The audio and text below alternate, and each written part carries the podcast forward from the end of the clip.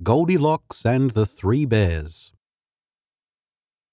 Once upon a time, there were three bears who lived in a house of their own deep in a forest. One of them was a little bear, one a medium sized bear, and one a big bear. They had each a bowl for their porridge, a small bowl, a medium sized bowl, and a great bowl. Also, they had each a chair to sit in, a small chair, a medium sized chair, and a big chair. And they also had each a bed to sleep in, a small bed, a medium sized bed, and a big bed.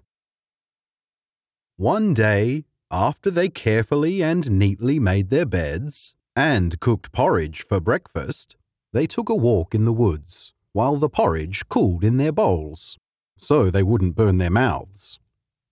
They were polite, well behaved bears. While they were away, a girl called Goldilocks, she had long, wavy blonde hair, passed by the house and peeped in the keyhole. For she was not at all a polite, well behaved little girl. Seeing nobody home, she lifted the door's latch. The door was not locked, because the three bears did nobody any harm and never suspected anybody would harm them. Goldilocks was pleased when she saw the porridge on the table. If she had been a good little girl, she would have waited for the three bears to come home, and perhaps they would have shared their breakfast. Unfortunately, Goldilocks was insolent and rude, so she set about helping herself. First, she tasted the porridge of the big bear and that was too hot. Medium sized bear's porridge was too cold, but little bear's porridge was just right. She liked it so much that she ate it all up.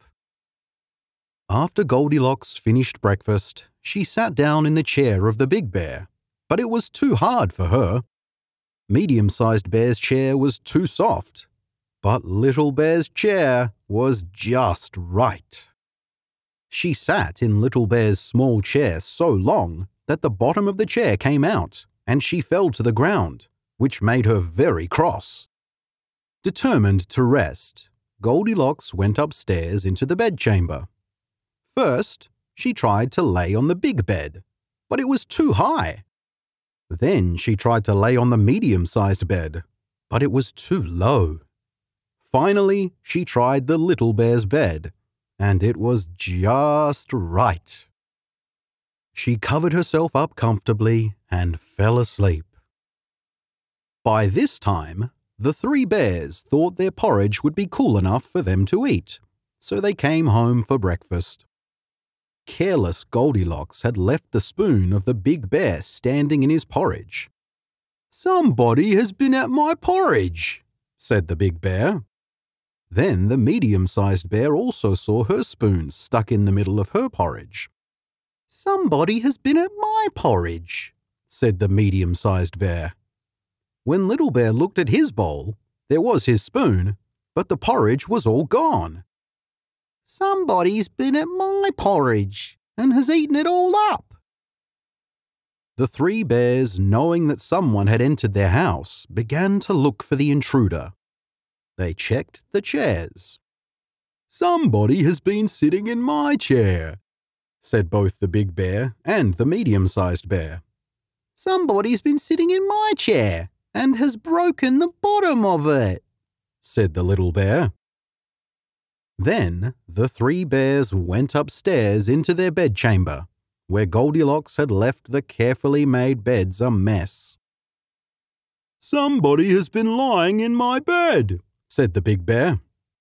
Somebody has been lying in my bed, said the medium sized bear.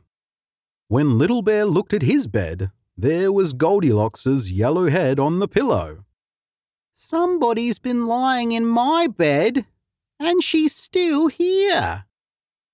In Goldilocks's sleep, the great, gruff voice of the big bear sounded like no more than the roaring wind medium sized bear's voice sounded like a little bird chirping. But Little Bear's voice was so sharp and shrill that she woke up immediately. When Goldilocks saw the three bears on one side of the bed, she tumbled herself off the other side of the bed, ran to the window, and jumped. No one can say whether she ran into the deep forest and was lost, or found her way home and got whipped for being a bad girl. The three bears never heard about her again, and they lived happily ever after.